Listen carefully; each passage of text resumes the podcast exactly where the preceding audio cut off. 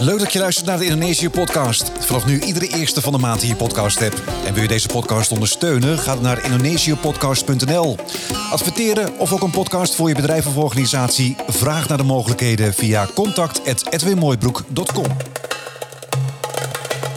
Moederstad is het nieuwe boek van schrijver en journalist Philip Dreugen... over het Jakarta van nu, het Batavia van toen en zijn eigen familiegeschiedenis.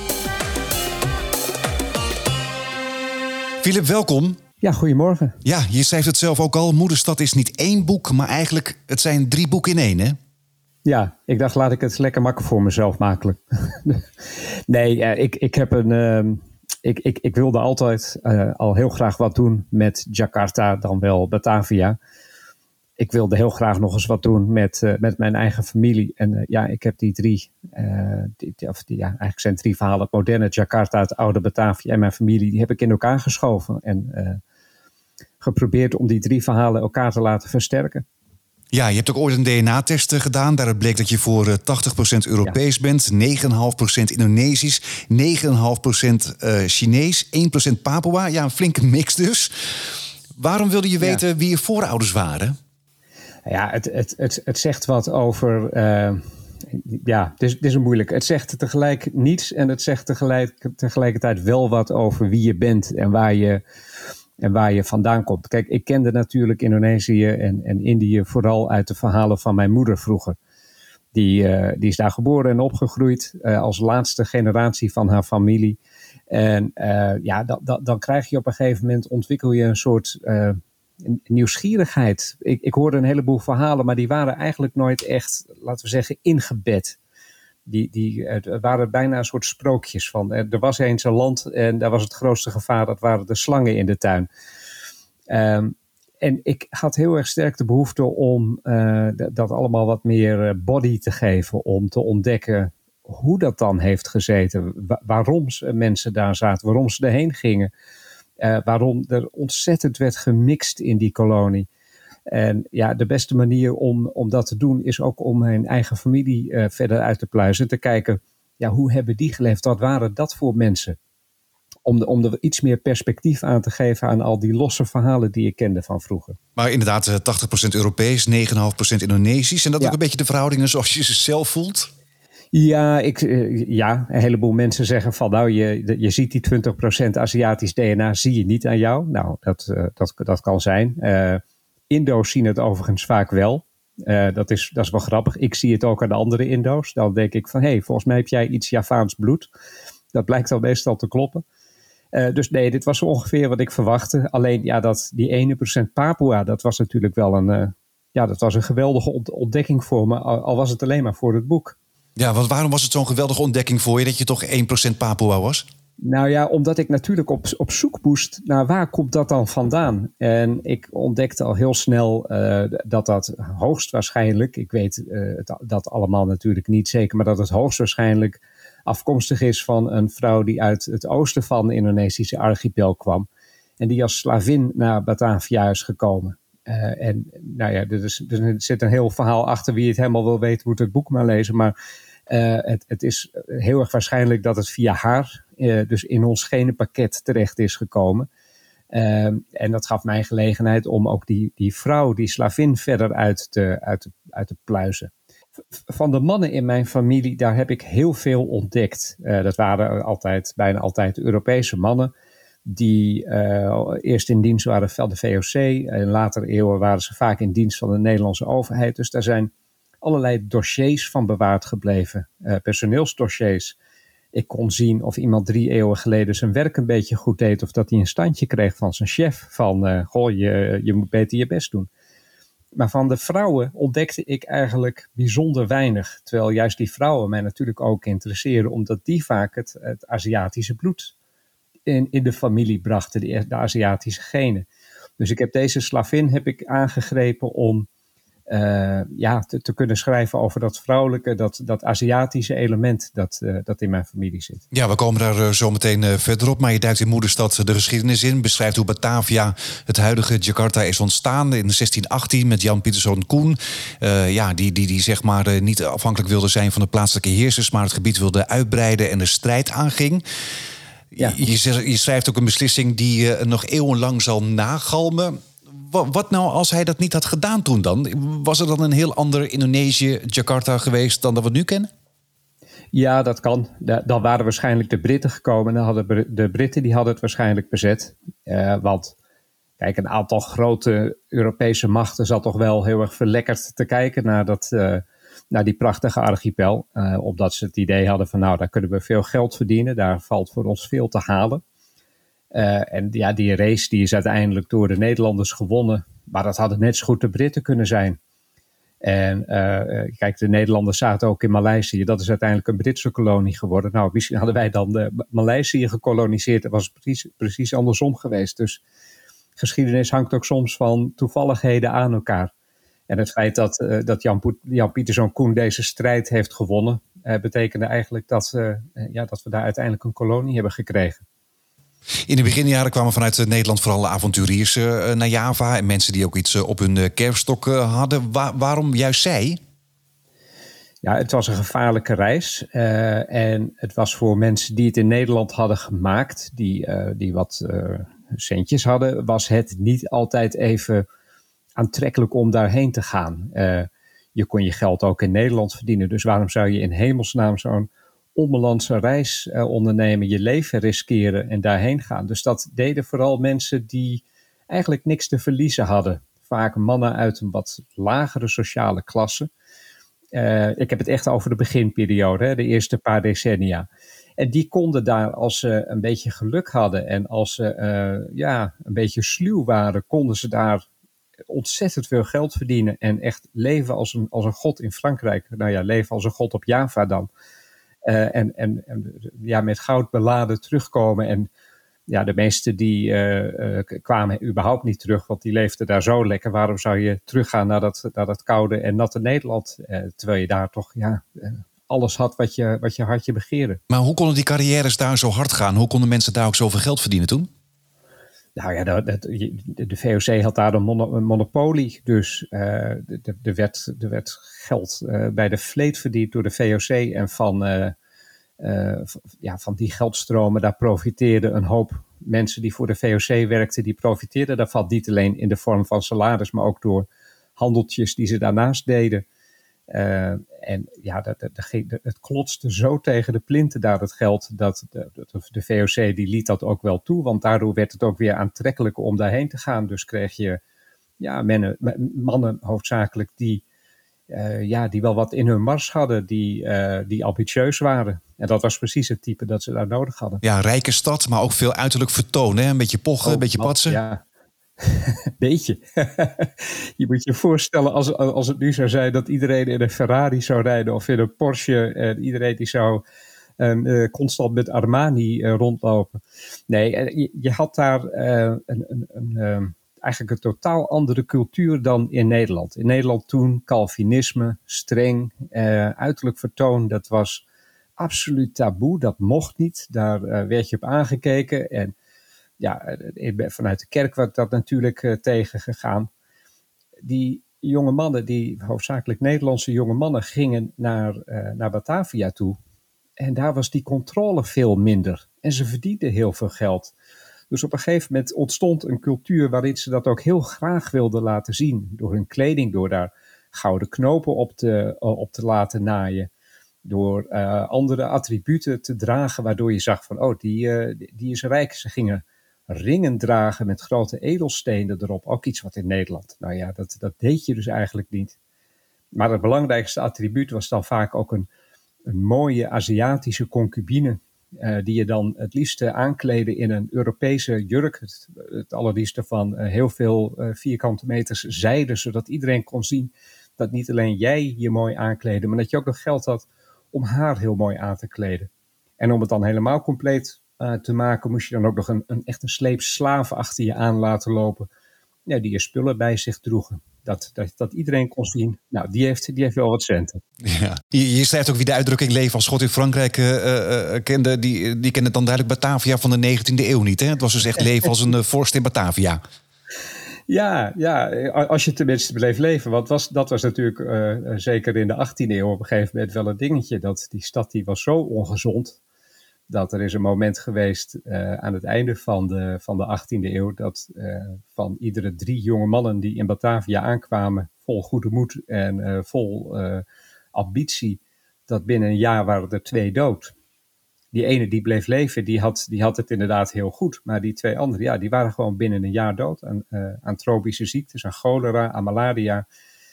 dus dat was natuurlijk wel, wel, wel een, een dingetje, zullen we maar zeggen. Maar je noemt het ook de mooiste stad die Nederland nooit heeft gehad, hè? Ja, kijk, die titel die heb ik gekozen omdat wij zijn gewend om Batavia, het is genoemd naar een Nederlands uh, oervolk, om Batavia te zien als iets Nederlands. Maar in feite hebben wij die stad nooit gehad. Uh, hij is weliswaar gesticht door Jan Pieterszoon Koen, maar hij is voor een heel groot gedeelte gebouwd door Chinezen.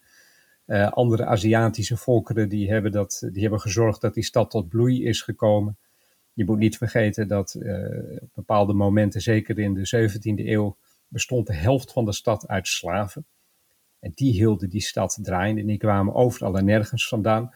Dus om het een Nederlandse stad te noemen, ja, ik, dat, dat vind ik dan eigenlijk weer net een, stap, net een stap te ver. Het was een koloniale stad, maar het was echt een soort ultieme smeltkroes ook. Je bent eh, tussen 2014 en 2019 ook vaak in het huidige Jakarta geweest eh, voor dit boek. Zijn er eigenlijk overeenkomsten tussen het Batavia van toen en het Jakarta van nu? Ja, zeker. Uh, de, de, de fascinatie met, met veel geld verdienen is er nog steeds. Ik beschrijf in mijn boek een, een, een bezoek dat ik breng aan, aan het zakendistrict van de stad, waar ook de beurs staat. Nou, de, de mannen van de VOC, die zouden de beurshandelaren van nu, die zouden ze heel goed kunnen pruimen. Want die zijn nog steeds bezig met vooral laten zien dat het ontzettend uh, goed met ze gaat. En het is nog steeds een magneet voor mensen. Wat het ook in de Nederlandse tijd altijd is geweest. Op één of twee jaar na, rond de Chinese moord van 1740, is de stad altijd gegroeid. Er zijn altijd mensen geweest die hebben gezegd: ik ga naar die stad, ik wil naar die stad of ik moet naar die stad in het geval van slaven.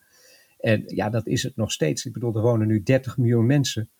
En er komen nog iedere dag komende mensen bij. maar waarom die aantrekkingskracht dan nu? Juist het geld verdienen? Juist dat mensen denken inderdaad zo van, uh, nou ja, daar kan ik een beter leven krijgen? Ja, als jij op Sumatra zit bijvoorbeeld, dan is Jakarta toch wel een hele aantrekkelijke plek om heen te gaan. Daar groeit de economie veel sneller. Daar heb je veel meer mogelijkheden. Ook als je bijvoorbeeld een buitenbeentje bent. Hè, dat, maar dat is natuurlijk een vaste prik bij, bij steden. Hè. Dat, dat trekt altijd de mensen die in de buitengebieden nou ja, een beetje uit de toon vallen. Maar ook eh, mensen van Bali. Ik, ik ben in Jakarta zoveel Indonesiërs van andere eilanden tegengekomen ik vroeg ook altijd, was een soort vaste, vaste prik van mij. Als ik in een taxi zat, vroeg ik aan de taxichauffeur waar die vandaan kwam. Die kwamen vrijwel nooit uit Jakarta. die waren van, weet ik veel, uh, uh, van Sumatra, van Lombok. Je, je, kan zo gek niet, van Sulawesi, je kan zo gek niet bedenken of ze kwamen ergens anders vandaan. En dan vroeg ik van, waarom ben je dan hier? Ja, centen. ik, ik bedoel, ik, ik moet leven, ik heb, ik heb kinderen, ik heb een familie, ik heb ambities. En ze zien dan Jakarta als een mogelijkheid om die ambities te verwezenlijken. Om ja, eh, toch een ietsje beter leven te gaan krijgen dan ze hadden. Ook woonden in Batavia de rijken al in uh, grote huizen met een hele trits aan uh, personeel. En eigenlijk is het nog steeds een beetje zo natuurlijk. Hè? Nog steeds hebben uh, de rijken groot huis, zwembad, chauffeur, pembantu, de hele trits. Ja, ja nee, dat, dat klopt. en kijk, nu zijn die huizen natuurlijk eh, minder eh, van, die landhuizen, zullen we maar zeggen. Die, die zijn er ook nog steeds wel. De, de oude Nederlandse huizen worden nu ook door, eh, vaak door de, de Jakartaanse elite worden die bewoond. Maar je ziet dat, dat Jakartanen met name als ze op een gegeven moment tot de middenklasse gaan behoren, of misschien nog wat verder doorstoten op de maatschappelijke ladder, dat ze de hoogte ingaan. Er wordt heel erg veel de hoogte ingebouwd nu en hoog geld als goed. Uh, hoe hoger je zit, hoe, hoe, hoger je status zou je ook kunnen zeggen. Daar is een hele eenvoudige reden voor. Als je hoog zit, zit je boven de vervuiling en uh, zit je boven het lawaai. Dus uh, mensen die net ietsje meer geld beginnen te verdienen, die laten je dan heel erg trots zien dat ze een nieuwe woning hebben op de 38ste verdieping. En eerst woonden ze slechts op de 24ste. ja, nee, dat is waar. Dat, dan heb je promotie gemaakt, inderdaad. Ja. ja, ik vind dat een geweldig fenomeen om, om in verdiepingen te tellen dat het, dat het je beter gaat. Nou, nee, ja, kijk, er zijn mensen die, zei, die zeggen dat de, de Nederlandse overheersers uh, zijn vervangen door uh, Javaanse overheersers. En gedeeltelijk klopt dat natuurlijk wel. Er is een hele nieuwe Indonesische elite ontstaan die, die zich met name in Jakarta ophoudt en het daar, daar erg goed heeft. Ja, dat klopt. Je kan nog altijd leven als een vorst in Jakarta. Ja, ja, alhoewel je blijft dan altijd in Jakarta uh, en je gaat naar buiten en je staat dus wel in een van de meest vervuilde steden ter wereld. Uh, een van de meest uh, luide steden ter wereld. Hè. Het strijd met, ik, ik, dacht Cairo om de titel meeste decibellen per, nou ja, per minuut. dus ja, het, het, leven is niet meer alleen maar roze geur en maneschijn in, in Jakarta. Maar in Batavia kon je snel rijk worden dus eh, door handel, maar ook door corruptie. En dat is in Indonesië nog altijd een probleem. Is dat dus eigenlijk een beetje bij de Nederlanders al begonnen? Ja, ik denk dat je een hoop culturele dingen in het huidige Indonesië kunt terugvoeren op, uh, op de Nederlandse tijd. En die, die, corruptie onder de Nederlanders was op een gegeven moment, was dat, ja, dat, dat, dat was zo schandalig. Uh, daar werd uh, ook ja, eigenlijk relatief weinig tegen opgetreden. Ook al omdat er zoveel geld werd verdiend. Nou ja, wie interesseert het dan dat er wat aan de strijkstok blijft hangen? Uh, overigens in het moderne Indonesië zie je dat corruptie op het ogenblik best wel goed bestreden wordt. Het is, het is er absoluut nog. Ik zie het overal om me heen als ik daar ben. je hoort ook altijd verhalen van mensen. Iedereen die heeft zijn favoriete corruptieverhaal. Maar het is een, het is een, een, een fenomeen dat echt eh, ja, al, al eeuwen oud is. En eigenlijk ook de schuld van de Nederlanders dus eigenlijk.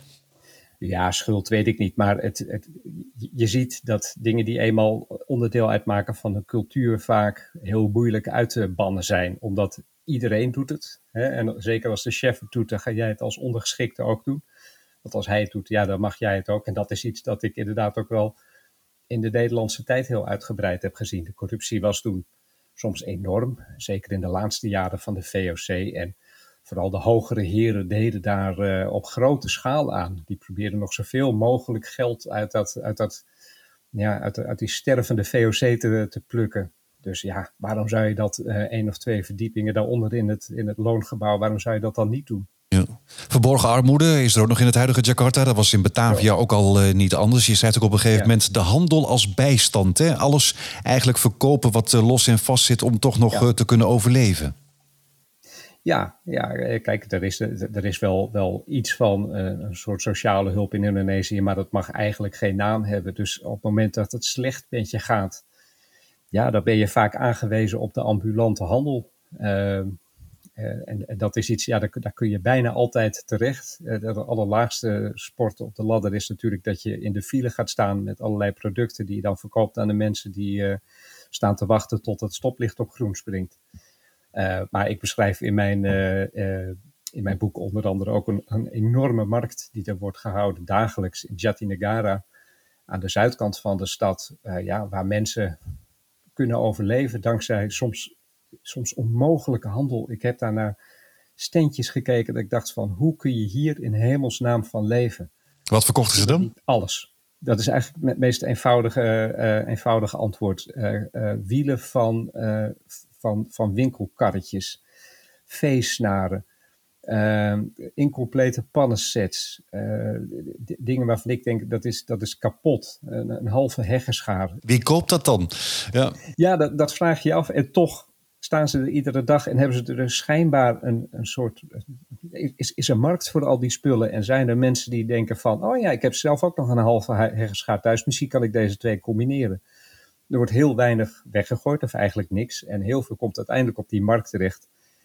En daar komen dan ook ja, eh, mensen toch zoeken naar net dat ene dingetje dat ze nodig hebben. En als het dan ik beschrijf in mijn boek op een gegeven moment, het gaat dan over iemand die heeft een versnellingsbak van een, een heel specifieke auto heeft die staan. Nou ja, er komt op een dag waarschijnlijk wel iemand langs die heeft dan misschien niet die auto, maar die denkt van nou, als ik dat tilde dan een beetje afslijp en uh, daar uh, las ik er wat extra's aan, dan past die ook wel in mijn auto. Ja, ja, ja. ja. Nou, maar op zich wel mooi is, dat dat vangnet er ook nog is natuurlijk, dat je dan toch weer iets kan verkopen ja. om nog enigszins te overleven ook. Ja, het, het, het zit echt één, één stapje boven uh, bittere armoede soms, maar ja, het, het, het, het is een beetje het vangnet dat, dat de stad biedt. Vanaf het begin zijn er ook veel Chinezen in Batavia. Jij zei, doen het heel goed in de handel. Je noemde het net al even. In 1740 gaat het fout, gaat het economisch minder... en dan vindt er een flinke ja, Chinese moord plaats eigenlijk, hè? Ja. ja, waarvan ik tot mijn verbazing eigenlijk in Nederland bijna nooit iets hoorde. Het, het, het, is eigenlijk is het etnische zuivering geweest door de Nederlanders. de situatie was heel, heel eenvoudig. De Chinezen werden steeds rijker en daarmee invloedrijker binnen Batavia. Dat kwam omdat er net weer een nieuwe handel was ontdekt, suiker. En die Chinezen hadden daar uh, enorm in geïnvesteerd. En die suiker, daar werd dan ook alcohol van gemaakt. Dat moest je dan met uh, een beetje met wat rijst moest je dat inkopen, inkoken en dan kreeg je een geweldige sterke drank. Nou, daar, daar stapte, in die handel stapten heel veel Chinezen, dus die werden ontzettend rijk. En die handel, dat ging heel erg goed. Totdat er op een gegeven moment zoveel mensen die handel waren gestapt dat de suikermarkt en de alcoholmarkt, die stortten dus in. Nou, op dat moment uh, hebben een heleboel van die, van die ja, Chinezen, maar ook Nederlanders die in die handel zaten, die hebben al hun personeel ontslagen. Dat personeel bestond ook voor een heel groot gedeelte uit Chinezen, dus die gingen zwerven rond de stad. Die waren waarschijnlijk net vers uit China aangekomen om op die suikerrietplantages te werken. En die hadden ineens helemaal niks en ze konden ook niet terug, dus die gingen zwerven, die gingen bendes vormen, dus dat was wel een probleem. De reactie van de Nederlanders was om een bevel uit te vaardigen, van de VOC, om een bevel uit te vaardigen, verboord de Chinezen. En dat werd heel letterlijk genomen door, uh, ja, door de mensen die voor de VOC werkten. Die gingen dus Chinese burgers binnen Batavia gingen ze afmaken. In een, op de meest afschuwelijke manier. Mensen werden uit hun huizen gehaald. Soms buren die hun eigen buren uit het huis haalden, omdat het Chinezen waren sneden ze allemaal de keel door of die kregen een, een, sabel in hun borst gestoken. Terwijl ja, die, dat probleem van die bendes buiten de stad, ja, dat bestond eigenlijk nog gewoon. Dus het was een, een, eigenlijk een totaal chaotische situatie waarin ook de verkeerde mensen werden aangepakt. Uh, en uiteindelijk resulteerde dat in dat bijna alle Chinezen binnen de stad zijn verboord de grote Chinese moord van 1740 noemen we dat nu. Ja, en als je dan de parallel uh, maakt naar de recente geschiedenis, hè, ja, ook in 1998 tijdens de Aziatische crisis en de val van Suharto, zag je eigenlijk hetzelfde gebeuren. En toen werden ook uh, Chinezen weer het slachtoffer. Ja, die zijn altijd, die zijn altijd de pineut. Ik, uh, ik, ik ken wat Chinezen in, in Jakarta. En die hebben eigenlijk allemaal, als ze het zich kunnen veroorloven, hebben ze een soort vluchtplan ook klaar liggen voor als het weer misgaat. Nog steeds hebben ze dat? Dat hebben ze nog steeds, ja. Je, je, zorgt altijd dat je een bepaald bedrag aan cash ergens hebt, zodat je er heel snel bij kan. Hè? Op het moment dat je naar het vliegveld moet en een ticket moet kopen, dan uh, dat je dat cash kunt doen bijvoorbeeld. Of dat je iemand moet omkopen, of dat je wat anders moet doen waar je geld voor nodig hebt, zodat je snel uit die stad weg kan komen. Die, dat hebben heel veel Chinezen nog steeds. Ik heb, ik heb onder andere een Chinees gesproken een paar jaar geleden, die in, uh, in, in 98 bij die onlusten ook nog een mes in zijn rug heeft gehad. Uh, die heeft zich op een gegeven moment tussen woedende Javanen en een groep Chinezen ingezet. en hij heeft geprobeerd ja, die Javanen tegen te houden dat ze die Chinezen zouden aanvallen. Het is een wat oudere man, zit in, ligt in beide gemeenschappen ligt hij heel erg goed. Hè. Hij wordt zeer gerespecteerd. Hè. Dat, was hem bijna gelukt totdat iemand op een gegeven moment zei van nee, ik wil toch die Chinezen te lijf. En die heeft hem dus een, een, eh, een, mes tussen zijn ribben, of tussen zijn schouderbladen eigenlijk geduwd. Dat heeft hij overleefd, deze meneer. Maar het geeft wel aan hoe diep die haat gaat. Dat uh, zelfs iemand die zo gerespecteerd werd in de gemeenschap als hij, dat die ja, een, eh, een, een, stuk metaal tussen zijn, tussen zijn schouderbladen krijgt. Om, om maar uh, ja, de, de, onvrede die er toe was een, een, een uitweg te laten vinden. Ja, een paar jaar geleden besloot je dus om te onderzoeken wie je voorouders uh, waren. Maar als je dat dan besluit, hoe begin je dan eigenlijk? Door er eerst enorm tegenop te kijken. heel lang te wachten. Ja, ik kwam er eigenlijk heel snel nadat ik was begonnen erachter wat een enorm karwei ik mezelf gesteld had. Uh, ik, ik, ik, moest voor dit boek 350, 400 jaar geschiedenis proberen. Niet alleen te, te, te weten, maar ook te snappen, het, het met, met mijn eigen te maken. Daarnaast moest ik proberen mijn eigen voorouders te linken aan bepaalde gebeurtenissen in die geschiedenis. Uh, en dat betekent dat je, ja, je moet gaan onderzoeken, dus uh, naar allerlei archieven toe, met genealogen werken. Er zijn een aantal die zijn gespecialiseerd in Nederlands Indië, dus die heb ik, die heb ik opgezocht. Maar als je, als, je, als je het boek zo leest, dan moet je wel maanden in archieven hebben doorgebracht ook. Ja, ja, ja, ik probeer er nooit te veel aan te denken hoeveel tijd in dingen gaat zitten, want dan, dan ga ik stilletjes zitten huilen in een hoekje. Nee, alle, alle gekheid, er, er, er, zit, er zit ontzettend veel werk in. ook al omdat, kijk, net wat ik zeg, die, die mannen, dat was voor mij een soort laaghangend fruit. Daar was van alles over te vinden. Mijn, een van mijn voorvaderen uit eh, de 18e eeuw, nou, een heel dossier over de man gevonden.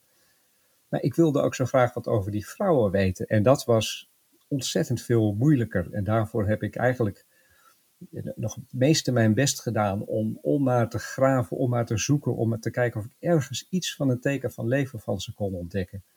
En dat was, dat was ontzettend moeilijk. Daar ook, soms kwam daar helemaal niks uit. Uh, en dat betekende dat, het, dat al dat werk, al, al die investering in tijd en, en in uh, moeite, ja, was soms ook voor niks. Ja, maar over de mannen, zeg maar, daar is nog wel heel veel materiaal over, heel veel archiefmateriaal, zowel in Nederland als in Indonesië ja, een soort Nederlandse gekte. Hè? Alles opschrijven, alles administreren. Wij zijn daar ontzettend goed in. We hebben een soort, soort ambtelijke instelling uh, die ervoor zorgt dat we, dat, dat we van alles een aantekening maken. En die aantekening gaat in een dossier. In dat dossier dat bewaren we tot in lengte van dagen.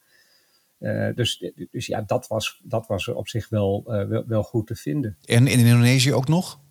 Oh, absoluut. Ja, daar, daar heb je een prachtig groot uh, modern archief, Archief Nationaal in het zuiden van, uh, van, Jakarta. Uh, prachtig gebouw, hele aardige, behulpzame mensen. Daar ligt voor kilometers, strekkende kilometers aan Nederlandse dossiers. Gedeeltelijk nog onontgonnen. En daar kennen ze je nu allemaal? Da daar kennen ze me nu onderhand ook wel een beetje. Ja, als, als ik daar binnenkom, dan uh, zeg ze, oh, dan heb je hem weer.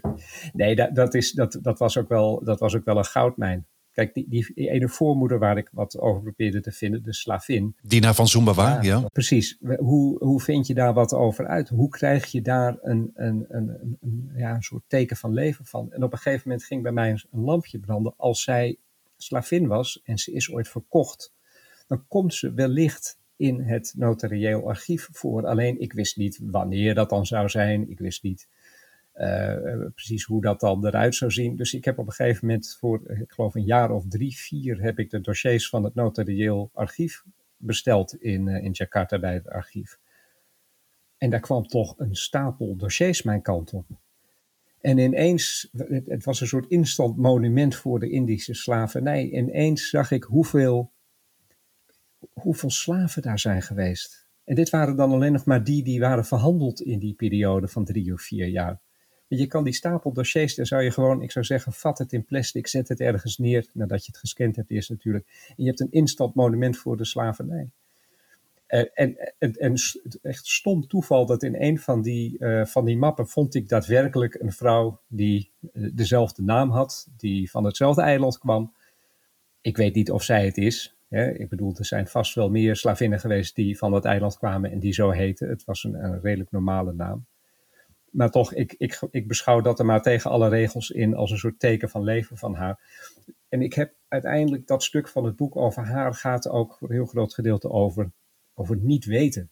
Over uh, proberen iets te snappen dat misschien ook niet helemaal goed te snappen is voor een westerse, uh, een westerse man in uh, 2020 of 2021 om, omdat het, ja, dat, die, die slavernij, het, het is zo'n vreemd fenomeen om, om te bestuderen. Omdat je ziet dat de Nederlanders dat allemaal keurig regelt. Inderdaad, je moest langs de notaris om je, om je slavin aan te melden.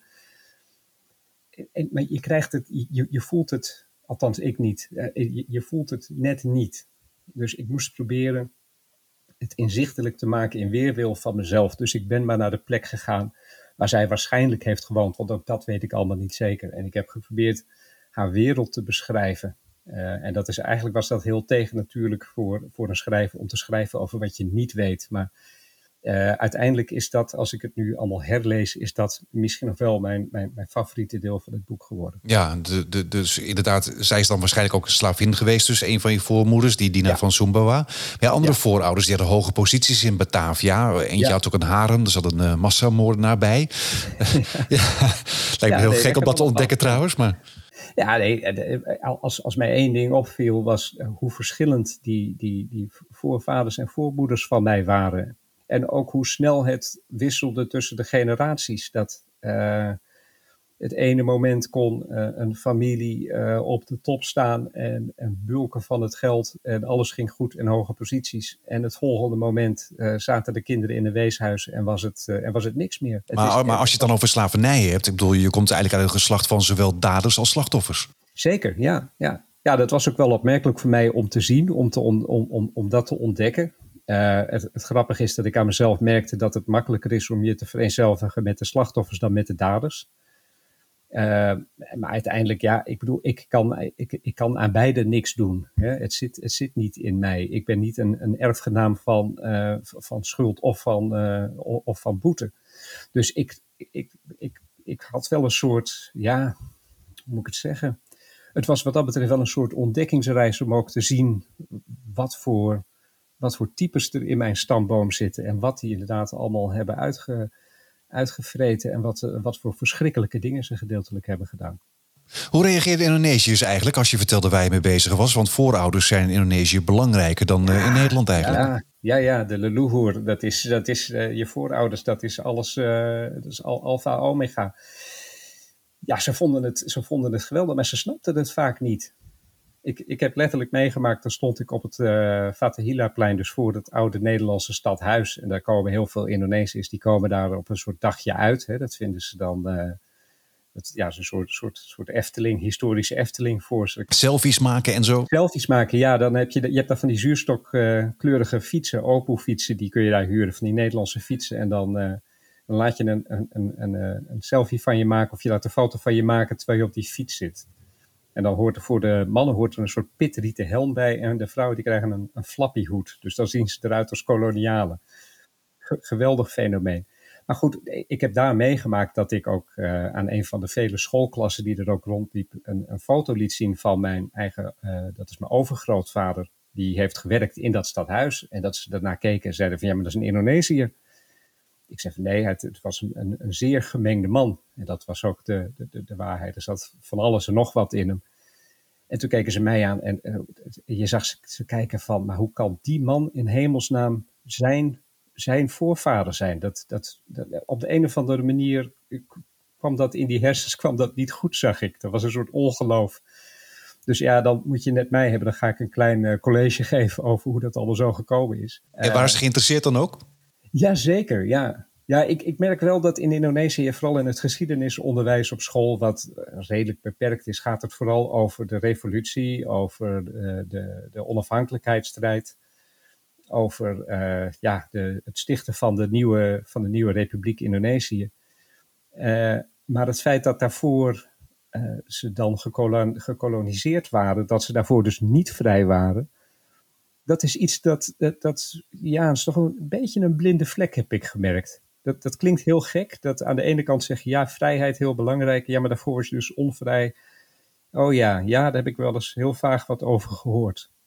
en, en dat, dat fenomeen, en ook dat dat 3,5, uh, 4 eeuwen heeft geduurd. daar zie je dat mensen over het algemeen, het zegt ze wel vaag wat, maar ze weten niet echt het naadje van de kous. Nee, nee er wordt vaak gezegd dat Indonesiërs ook niet zo bezig zijn hè, met de eigen historie. Maar ja, zoals je zegt, wel veel mensen gaan dan naar Kota toe, zeg maar, naar de oude stad. Dus ja. het is wel een klein beetje aan het veranderen. En ook op zaterdag inderdaad dat ze in oude koloniale kleren op een uh, fiets gaan zitten. ja.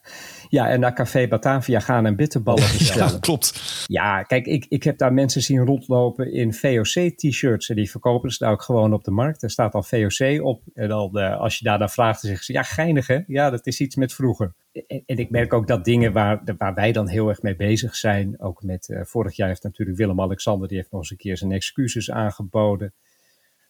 Ik, ik merk dat dat bij Indonesiërs, nou, ik wil niet zeggen niet leeft, misschien bij een paar wel, maar dat het bij de meesten toch zoiets, het, het is een heel erg ver van mijn bedshow en, en waarom zou je er in hemelsnaam zo druk over maken? Dus ze zijn ook veel minder politiek correct in een hoop dingen. Uh, woke moet daar sowieso nog worden uitgevonden. Dus ja, ze, ze, hebben, ze hebben wel een soort, soort notie van allerlei dingen die zijn gebeurd.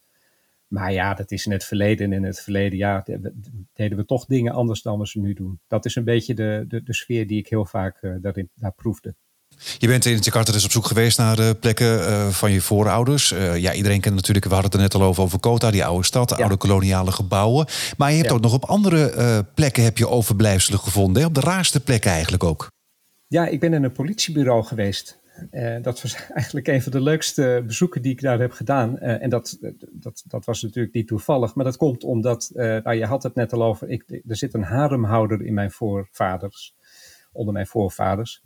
een man die, die puissant rijk is geworden, ook weer met suiker. hij brouwde er dan geen alcohol van, hij hield het gewoon bij, bij pure suiker eind 19e eeuw, die ook optimaal heeft geprofiteerd van de, dus de, de zeer corrupte laatste jaren van de VOC. Uh, en met geld van, die, uh, van, zijn corruptie heeft hij een, uh, een, suikerplantage gekocht. En heeft daar, nou ja, ik, het, zou me niet verbazen als hij de rijkste man in Batavia was, een tijd lang.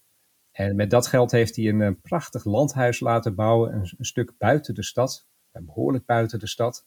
Tegenwoordig gewoon midden in de stad natuurlijk, want uh, Jakarta is, is onstuimig gegroeid.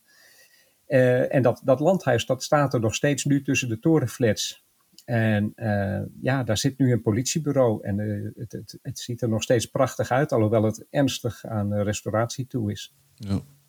Maar ook uh, inderdaad uh, onder een vuilstort, uh, bij een vuilstort, onder een spoorbrug, een biels met daarop nog de ja. S van de staatsspoorwegen. Ja, ja, ja ik, ik, een van de gouden grepen die ik, uh, nou ik, wil, ik wilde zeggen die ik heb gedaan, maar die me ook een beetje is overkomen. Je hebt soms wat mazzel nodig, uh, is dat ik een gepensioneerde archeoloog heb leren kennen daar, Pak Chandrian. En hij wist zo ontzettend veel over die stad. Hij heeft ook een eigen YouTube-channel, nou, dat is een soort Discovery Channel uh, voor liefhebbers van Jakarta.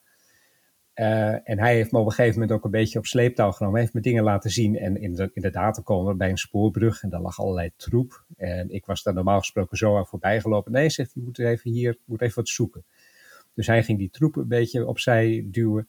En toen lag daarna nog een oude spoorbios met inderdaad een S erin geslagen, een smeedijzeren S. En hij zei, kijk, dat is de staatsspoorwegen. Hij, uh, hij sprak geen Nederlands, zei hij, maar hij kon het wel prachtig uitspreken.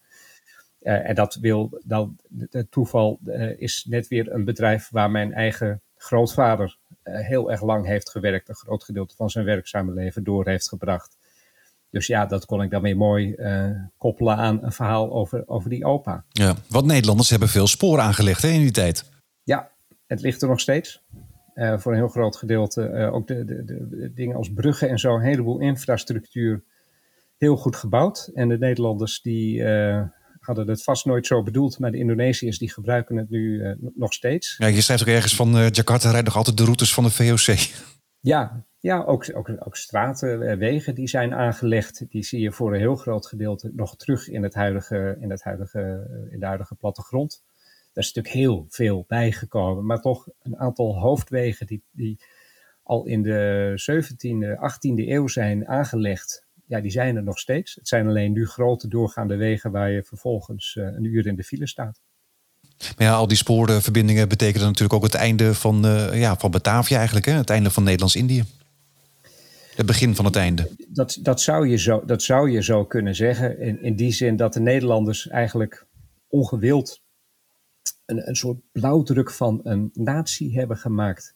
Kijk, toen, toen Jan Pieterszoon Koen daar rondliep, toen was het een, een, verzameling eilanden en op ieder eiland had je zoveel sultans uh, of koningen of prinsen of wat dan ook. En die bestreden elkaar allemaal te vuur en te zwaard. Het was altijd was het, uh, weer oorlog van die tegen die, dus dat was zeker geen eenheid.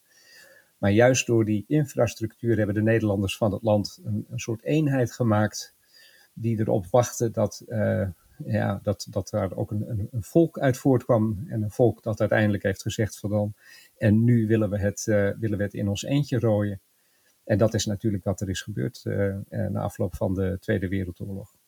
Ja, dus het boek schrijft inderdaad de geschiedenis van Batavia, het huidige Jakarta, je eigen familiegeschiedenis. Ja. Ja, wat is nou voor jezelf de meest opvallende ontdekking uit die familiegeschiedenis? Uh, ja, ik kwam onder andere achter dat er, dat er sprake was van inteelt.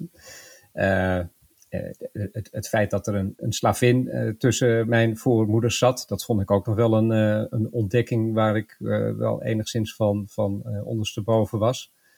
Ehm, maar vooral ook het, het, het mengen. in de 19e eeuw heb ik een aantal voormoeders, voorvaders, die zijn eigenlijk helemaal niks. Die zijn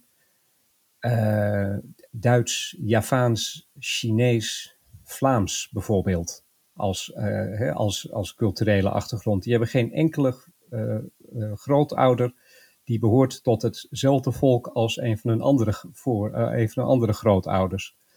Dus die, die mensen zijn zo ontzettend gemengd, die zijn zo mystisch. En, en, wat zijn ze dan eigenlijk? Ja, een nieuw volk zou je kunnen zeggen, de Indo's. Een, volk dat de dag, tot op de dag van vandaag bestaat en nu voor een groot gedeelte in Nederland woont. En en, en dat, dat dat zo gemengd was, dat is ook iets dat ik niet had verwacht toen ik uh, aan, dit, uh, aan dit avontuur begon. Moederstad is een prachtig boek geworden met humor ook. Ik dacht dat ik uh, Jakarta goed kende, maar ik heb toch nog heel veel geleerd. Wat, wat, wat, was, wat, wat, voor, wat, wat, heb je, wat, wat verbaasde jou dan? Nou ja, dat, dat, dat, dat, dat je ook inderdaad op de meest rare plekken ook nog overblijfselen vond. En toen dacht ik zo van, ja, daar heb ik eigenlijk nooit zo goed naar gekeken. Ik bedoel, ik, ik heb ook voorgenomen de volgende keer als ik weer in Jakarta kom, dat ik toch met iets andere ogen ga kijken misschien ook. Ja, ja, ik wil commissie van de, van de VVV van uh, Jakarta. Want ondertussen hebben al heel veel mensen tegen mij gezegd: Oh, ik, ik ga er toch eens heen. Een heleboel Nederlanders die hebben, die, die hebben altijd, uh, als ze naar Indonesië gaan, die hebben zoiets van: Weet je, Jakarta, dan land ik misschien, maar dan vlieg ik gelijk door naar Bali of naar Jogja of naar Surakarta of weet ik veel waar.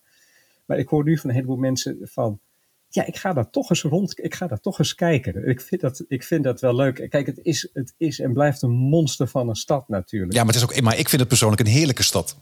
Nou, dat, is het. Het, het is een, een soort instelling die je moet hebben. Je moet weten van dit is een stad waar ik uh, uh, niet al te snel van A naar B ga komen. Dit is een stad waar ik niet moet denken van, oh, dat is uh, eh, 500 meter verderop, dat wandel ik wel even. Want vaak kan dat helemaal niet eens. Hè? Er, zitten, zitten dan enorme wegen tussen bijvoorbeeld. Maar als je daar toch een beetje op instelt, uh, ja, dan is het toch ook wel een stad waar ik heel erg, uh, waar ik heel erg veel, uh, veel lol heb beleefd. Ja, ik, ik zeg altijd tegen mensen, ik zou geen enkele toerist inderdaad aanraden om naar Jakarta toe te gaan. Maar als je de stad een beetje goed kent, dan is het heerlijk. Als je er bent, ga, ga, toch, eens, ga toch eens kijken. Ja, en, en wat ik deze keer toch echt heb ontdekt, het zijn de, zijn de kampoens binnen de stad. Ja, ja. Achter, de, um, achter de wegen gewoon. Je hoeft er even een zijstraatje in en dan uh, een compleet precies, leven speelt zich erop. Een zijstraat en dan, en dan kom je ergens. En dat zijn vaak de, de, de, de, de ja, de nederzettingen die zijn ontstaan uh, toen Indonesische of Javaanse arbeiders naar de stad trokken om te gaan werken. De Nederlanders die woonden langs de hoofdwegen. Nou, dan stond er ergens een stukje veld, was dan vrij. Daar werd dan zo'n zo'n kampong gesticht. En dat zijn nu eigenlijk de, de meest uh, leefbare plekken, moet ik zeggen. Kleine straatjes, dus de brommers die kunnen er niet doorheen, die kunnen het niet gebruiken om een stukje af te steken. Mensen leven buiten, zoals ze uh, vroeger ook hebben gedaan. Ja, ik, ik vind dat eigenlijk de leukste plekken van die stad geworden. Ik loop daar het uh, liefste rond tegenwoordig. Wat heeft het schrijven van het boek jou gebracht? je denkt, ik bewaar de, de, makkelijkste vraag voor het laatst. Ja, ja, weet je, weet je wat het is met, met boeken schrijven? Het is een heel intiem project. Het, het, het zit op je laptopje, op je harde schijf uh, en misschien in de cloud. En het is een hele lange tijd is het, is het van jou. En dan komt een bepaald moment en dan, dan komt het op de markt. En ineens is het van iedereen. En iedereen die, die mag er wat van vinden. En iedereen moet er ook wat van vinden. En dan is het... Uh, ja, dan, dan zweeft het weg als het ware. En dat was bij dit boek misschien nog wel moeilijker dan uh, boeken die ik hiervoor heb geschreven, juist omdat dit zo persoonlijk was. Um, en, en wat, ik heb, wat, wat het mij heeft gebracht in het begin, dacht ik van ja, wie interesseert zich nou voor mijn familie, voor mijn voorouders? En ik merk dat mensen dat toch heel erg leuk vinden. Dus het heeft mij gebracht dat ik uh, ja, moet leren dat ik mezelf ook in boeken veel meer bloot kan geven dan ik, uh, dan ik misschien eerder deed. Oké, okay, Philip Dreugen, dankjewel. Tot zover deze aflevering van de Indonesië Podcast. Wil je de podcast steunen, ga dan naar indonesiëpodcast.nl. En uh, wil je ook een podcast voor je bedrijf of organisatie, uh, neem een contact op via contact.edwinmoorbrug.com. Tot de eerste van de volgende maand.